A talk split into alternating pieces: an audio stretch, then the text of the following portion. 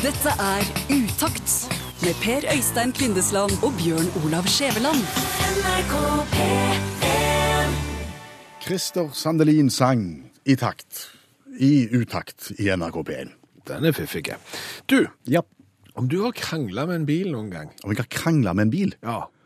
Ehm, jeg, kan, jeg, altså, jeg har jo hatt biler som ikke vil starte, så jeg har spent de og blitt sinte på, men, men jeg har jo ikke fått noe, noe, noe motsvar på en måte, så jeg kan ikke si jeg har krangla med bilen. Nei, da har du ikke kjørt ny nok eh, bil. For, for i dag så har jeg eh, havna i en liten krangel med bilen. Altså, kan, kan ta bakgrunnen først. Jeg er jo en av de som svært mange i Norge misliker. Fordi du kjører elbil. Ja, fordi jeg kjører elbil. Mange liker jo ikke elbilister, og, og den verste sorten av de alle, det er jo faktisk meg og, og, og mine medbrødre. Dere som kjører verdens dyreste lommelykter, dere kjører Tesla. Ja, Vi, vi gjør det. Og, og min Tesla er på service, og, og det er en av de aller tidligste som, som kom til Norge. Og, og, og når den nå står på service, så har jeg fått låne en mye nyere enn min. Aha. Og det som er så fiffig med den, ser du, det er at den har noen sånn autopilotgreier, så den kan styre seg sjøl. Og det har jeg aldri prøvd før i dag. Hvordan virker det? Eh, Du setter deg inn, og så aktiverer du dette her på både, og så er det radarer og kameraer, og jeg vet ikke hvordan det virker sånn eh, fysisk, men, men da tar bilen kontroll, og så følger han veibanen, kjører sjøl, holder avstanden til bilen foran, svinger veien til venstre, så, ja, så kjører bilen til venstre. Altså, rattet går av seg sjøl uten at du trenger å vri på det? ja, ja, ja. Kjempefiffig. Fikk kjempesmaken på det, for å være helt ærlig. Er det ikke litt nifst? I starten, men, men det går ganske fort over. Og, og så sier bilen da, når jeg sitter og kjører der, eh, eller det er jo ikke jeg som kjører da, Nei. når bilen kjører selv, så sier han at jeg må holde hånda på rattet. For det er liksom en sånn regel, tror jeg, med de der autopilotgreiene. Så legger du hånda på rattet, men så merker du at det, bilen kjører jo selv, selv om jeg holder på rattet. Sånn at jeg, hånda mi er jo egentlig bare i veien, for rattet vil jo bevege seg selv. Det er som at jeg skal holde på noe som beveger seg hele tiden, virker litt rart. Så jeg tok hånda vekk, og, og la den i fanget, og, og holdt armene i kors, og, og bilen kjørte. Hva skjedde så? Nei, da kjørte han en liten stund, et minutt eller uh, to, og så sa han, nei, dette går ikke. Altså, han sa det jo ikke med stemme da, men han sa det med sånn en tekst, at eh, du må holde hånda på rattet. Det kommer fram i et display på bilen at Skjæveland, hold hånda på rattet. Ja, ja vel, hvis det er sånn du skal være da, så, tok jeg hånda på rattet igjen, men så føles det litt unaturlig, sant? for det er jo ikke jeg som styrer, jeg bare holder hånda mi der, sant? Så etter en stund så glemte jeg litt ut av det, og så tok jeg hånda vekk igjen, og bilen fortsatte på motorveien som om ingenting hadde skjedd, og så kom meldingen igjen. Du må holde hånda på rattet, det var noe fælt til mas. Hvis det er sånn du skal være, din amerikaner, så er det greit, jeg holdt hånda på rattet igjen. Ei lita stund. Så blir du lei av det, Nei, så gjør du det igjen.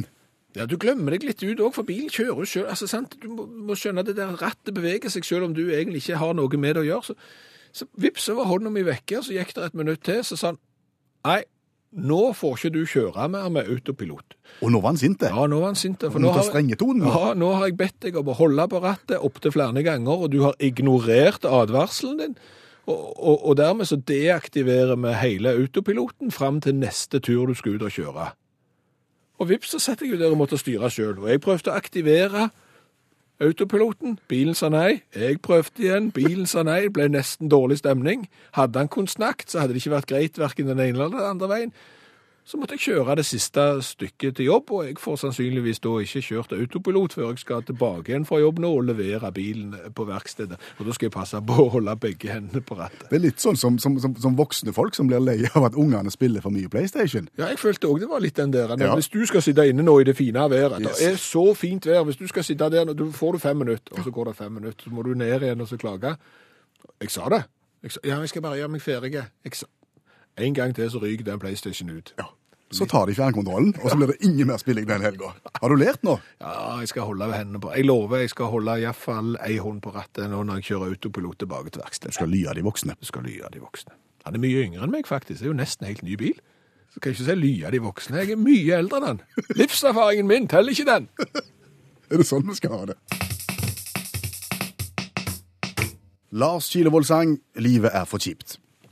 Om du husker første gangen du hørte den sangen der? Ja, jeg husker faktisk det. Eh, Da satt jeg i baksetet til Bjørn Berland sin Ford. På vei til Til håndballkamp. Eh, Bjørn Berland var håndballtreneren vår når vi var små, og, og han var eldre enn oss, men han var ikke gammel. Og han var litt eldre, litt sånn baskt eldre. Ja, han, han var sånn tøft eldre. Han var eh, liksom 18 år, hadde fått uh, sertifikat, hadde hvite Ford Taunus uh, med kassettspiller i, og, og, og vi fikk høre på Lars Kilevold og på Bruce Springsteen og, og andre 80-tallssanger.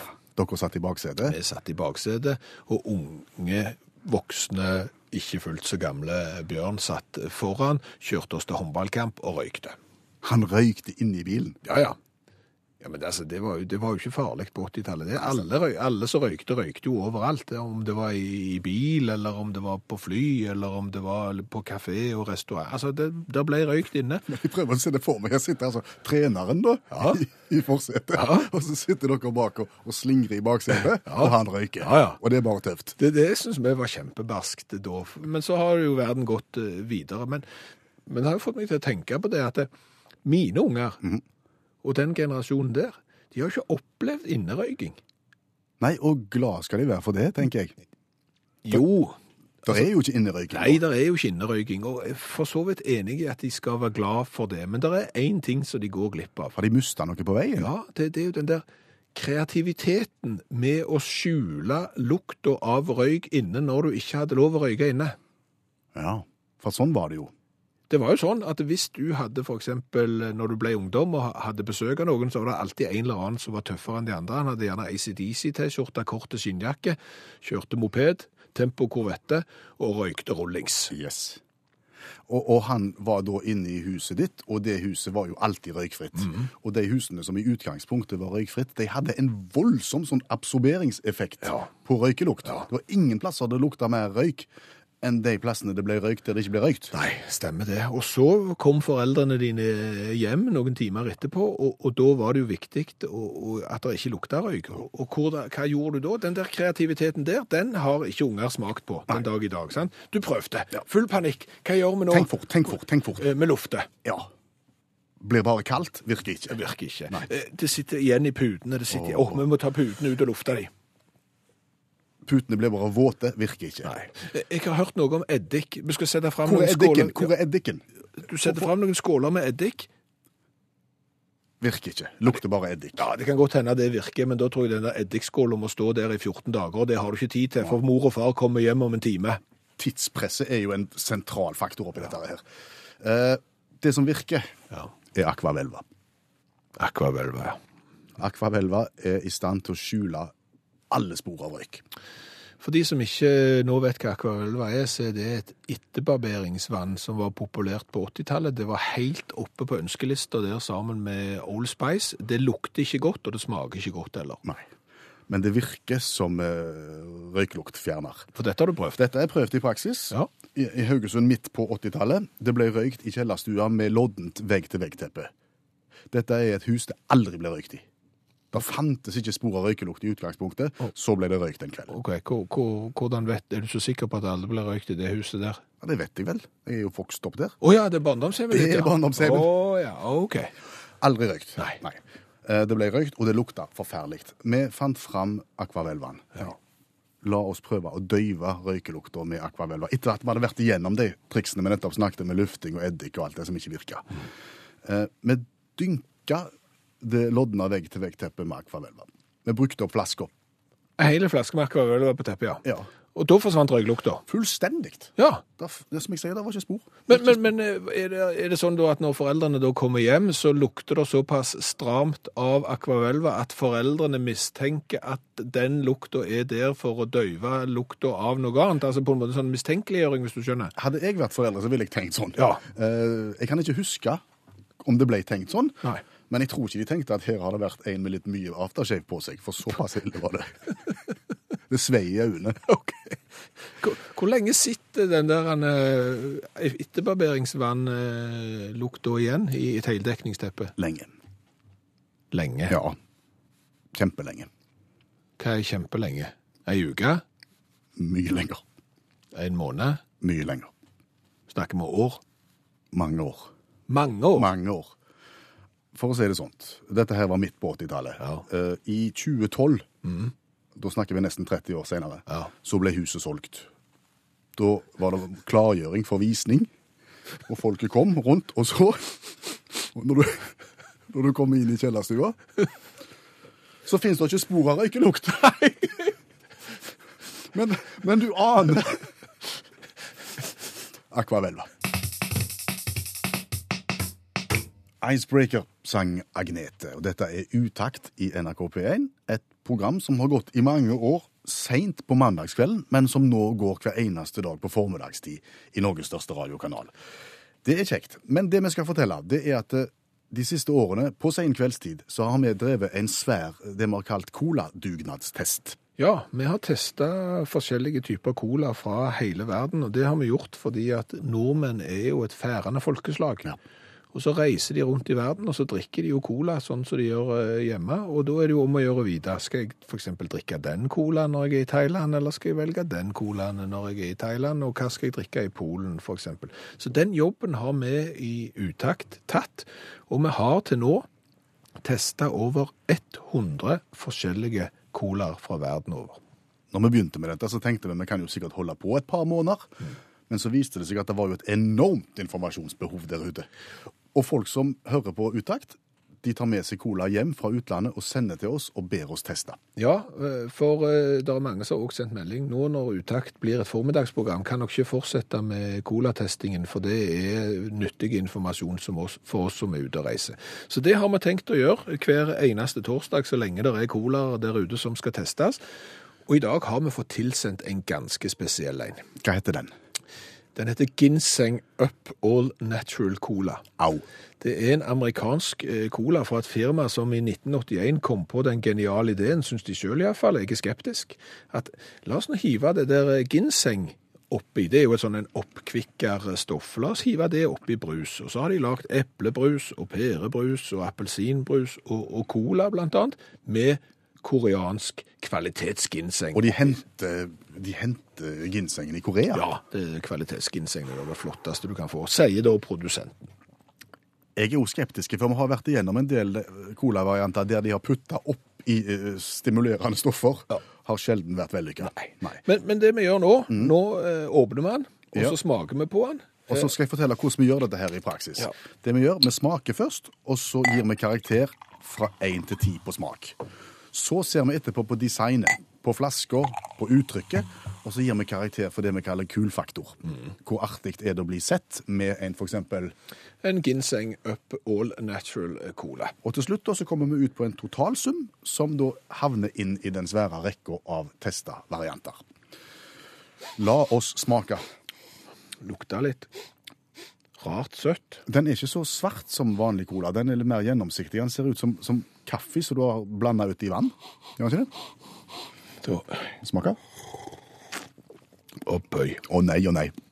Blablabla. Jeg får medisinassosiasjon. Litt utvanna hostesaft. Det er mulig det er den sørkoreanske ginsengen. Smaker ikke cola? Nei, det var ikke bra. Det var ikke bra. Du tenker ikke cola over, hodet når du hører den smaken der. Nei. Ja, da kan det ikke bli høye poengsum. Nei. Eh, Tre i smak. Du gir tre i smak, ja. Tre av ti. Jeg gir to. Såpass. Ja, jeg syns det var pinnringt. Så er spørsmålet hvor kult er dette her? Det er glassflaske på ca. 355 milliliter. Det er ikke ca. 355 milliliter. En svart og burgunder etikett eh, med bilde av en ginsengrot på. Og, og det lukta egentlig, som du sier, det lukta litt helsekostbutikk av hele produktet. Gjør egentlig det. Ja. Den kan egentlig se ut som en store flaske med hostesaft. Ja. Hvor kult er det? Burgunder er sjelden kult. Ja, det er ikke kult i det hele tatt. Burgunder er bare fint én plass, og det er sammen med brystningspanel. Så jeg jeg syns Å prøve å gjøre cola som skal være en, liksom en festdrikk til, til et eller annet sånn medisindepotgreier Nei. Seil under falsk flagg. Seil under falsk flagg. Tre. Tre til det eh, Egentlig det samme. Ja. Ja. Tre. Kan- ikke få mer enn tre. Nei. Da har du gitt seks poeng, og jeg har gitt eh, fem. Eh, Det pleier jo å bli elleve i moderne matematikk. Da er han langt nede på lista. Da er han kjempelangt nede på lista, og en velfortjente plass der nede til den amerikanske Ginseng Up All Natural Cola. Hvis du har lyst til å se oversikten over alle vi har smakt til nå, Så kan du gå inn på nrk.no, så bare søker du på utakt og colatest, så vil det komme fram en oversikt der. Du kan òg velge å følge Utakt på Instagram, så skal vi supplere all den informasjonen eh, du trenger. Gå inn eksempel hvis du skal til et land og se hvilken cola har de testet for dette landet. Er det noe jeg kan bidra med i dette store colafellesskapet? Vi setter pris på det. Og hvis du sitter der hjemme med en eller annen variant som du har lyst til at vi skal teste, så ikke nøl med å sende den til oss. Du finner adresser på de samme stedene vi nettopp nevnte. Bruno Mars, That's What I Like. Har jeg fortalt deg at jeg har truffet Bruno Mars? Du har prøvd å fortelle meg det mange ganger, ja, men du har ikke truffet Bruno Mars. Ikke langt ifra. Nei, langt. Jo, langt ifra. Altså, det du regner som har truffet Bruno Mars, det er at du satt på en benk i USA ved siden av en mann som jobbet og levde på Hawaii. Han hadde kolonialbutikk på Hawaii. Ja. Ut forbi den kolonialbutikken sto Bruno Mars svært ofte når han var unge og spilte på kassagitar og sang for å få noen slanter til eksempel å kjøpe cola. De var venner, de to. Ja, Men det er jo ikke Bruno Mars du har truffet, du har truffet han som kanskje har truffet Bruno Mars. Det er ikke godt nok. Og vi skal snakke om noe helt annet. Ja, jeg syns det. Jeg syns at vi skal snakke at like sikkert som det går mot vår, så kommer de tilbake hvert eneste år. Hva var det? Det var en omskriving av Øystein Sunde.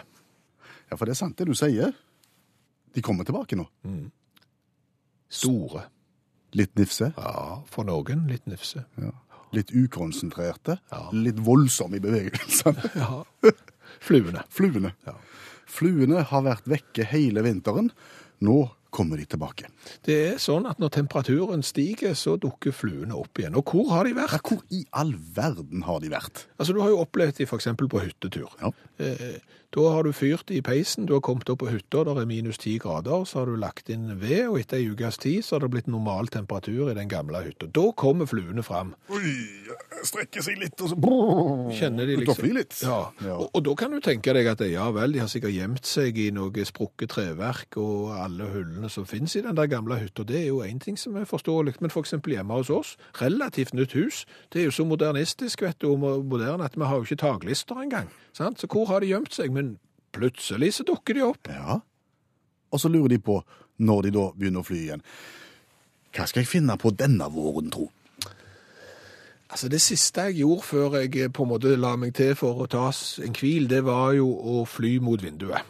Ja, jeg lurer på om jeg sier at jeg ikke bare skal fortsette Men jeg, Ja. ja. Jeg begynner å stange mot vinduet. Så gjør de det nå hele våren, sant? Når gikk de egentlig og la seg? Jeg er søren ikke sikker. Jeg, jeg kan ikke sånn eh, fluegreier, men det er ganske interessant. For, for det kan jo ikke være sånn at de er, tror jeg da, nyklekka, eller hva det heter for noe. Jeg vet ikke hvordan de blir født heller, jeg. Men Nei, for de er jo kjempestore, mange av de. ja, når de, når- de våkner opp, ja. Ja, ja. Det er sånn Hercules-følelsen. ja. Og, og hva har de gjort på vinteren da? Altså, det føles jo nesten som de har ligget i dvale og spist. Faktisk. Så store som de er når de, når de dukker opp. Det er merkelig. Det det må ha en slags form for, for eh, termostat, tenker jeg, som kjenner den varmen at nå, når, når, når, et eller annet kroppsvarme når det nivået der, så må jeg ut og fly mot vinduet. Ja, men jeg tror i tillegg til termostat så må de ha kalender innebygd. Ellers har de iPhone med sånn, så, så, så på en måte sier at nå er det på tide. ja. Flyphone har de, tror jeg. Ja, kanskje. For, Det har de nok. for, for det er jo sånn, det er jo omtrent på samme tid og hvert eneste år at eh, dette skjer. Så det må jo være en eller annen sånn innprogrammert eh, kalender. De er gode hjemme, så jeg kan vi vel egentlig slå fast, siden vi ikke ser de om vinteren.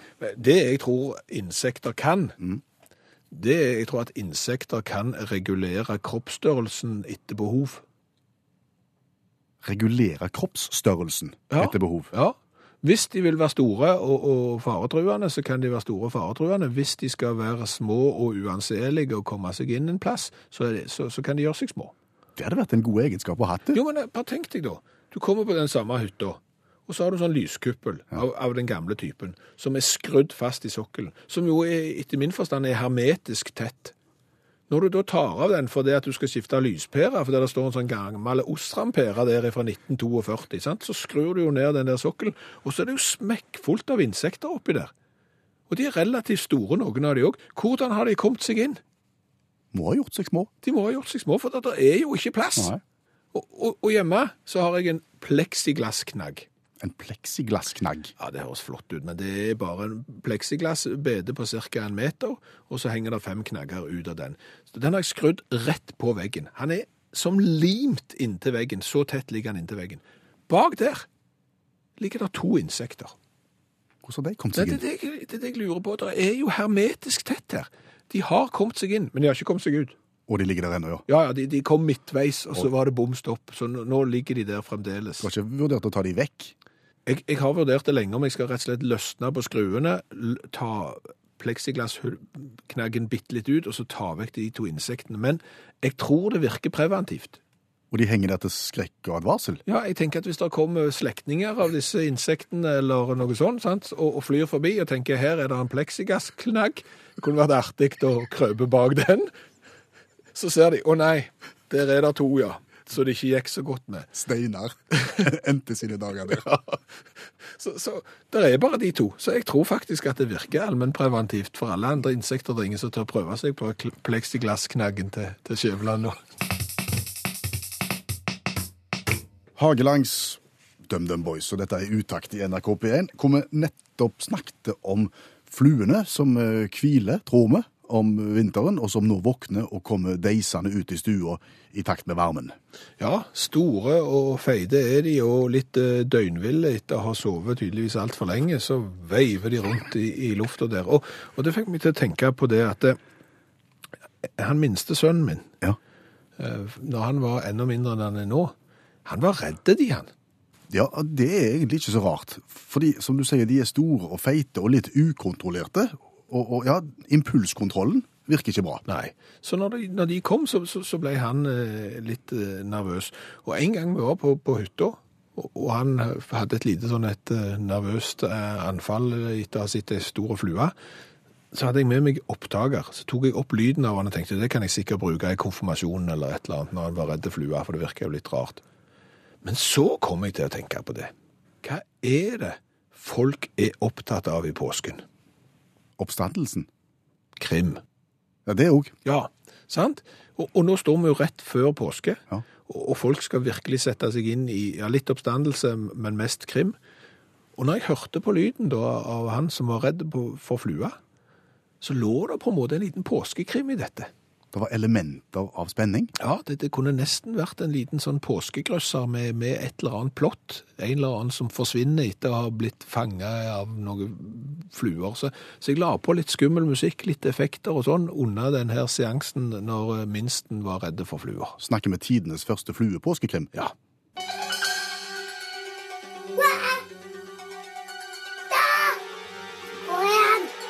Jeg ser at ikke oppåtaket.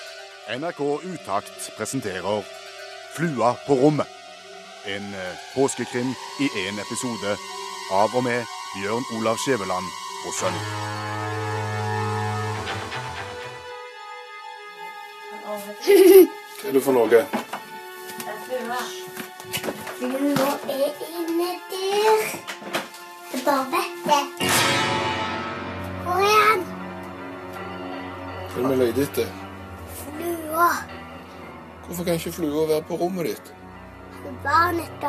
Ja, men hvorfor må vi ta den vekk? For jeg var redd å gå inn på rommet mitt. Flua var her inne. Hvor er denne flua? Jeg ser han ikke oppå taket. Der.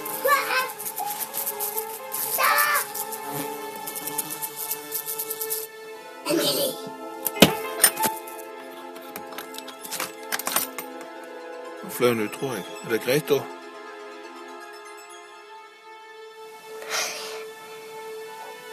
Ja. Hør, nå hører vi ikke han. For da er han vekke. Er det trygt, da? Ja.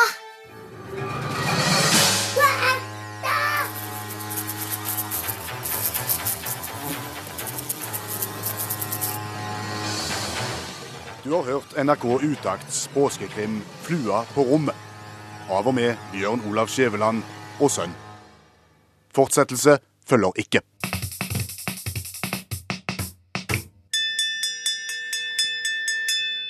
Utakt leser høyt fra boka 'Norges morsomste vitser'. De beste vitsene fra NM i humor.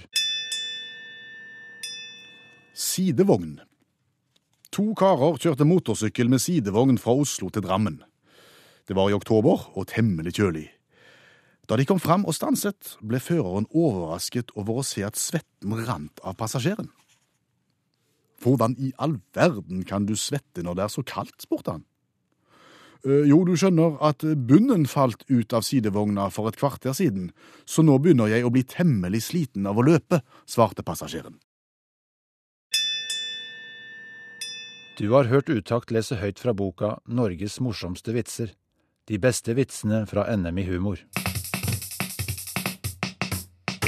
Jeg ser at det så smått begynner å gå mot slutten, Skjæveland. Jeg tror vi skal oppsummere. Eh, Hva har vi lært i dag?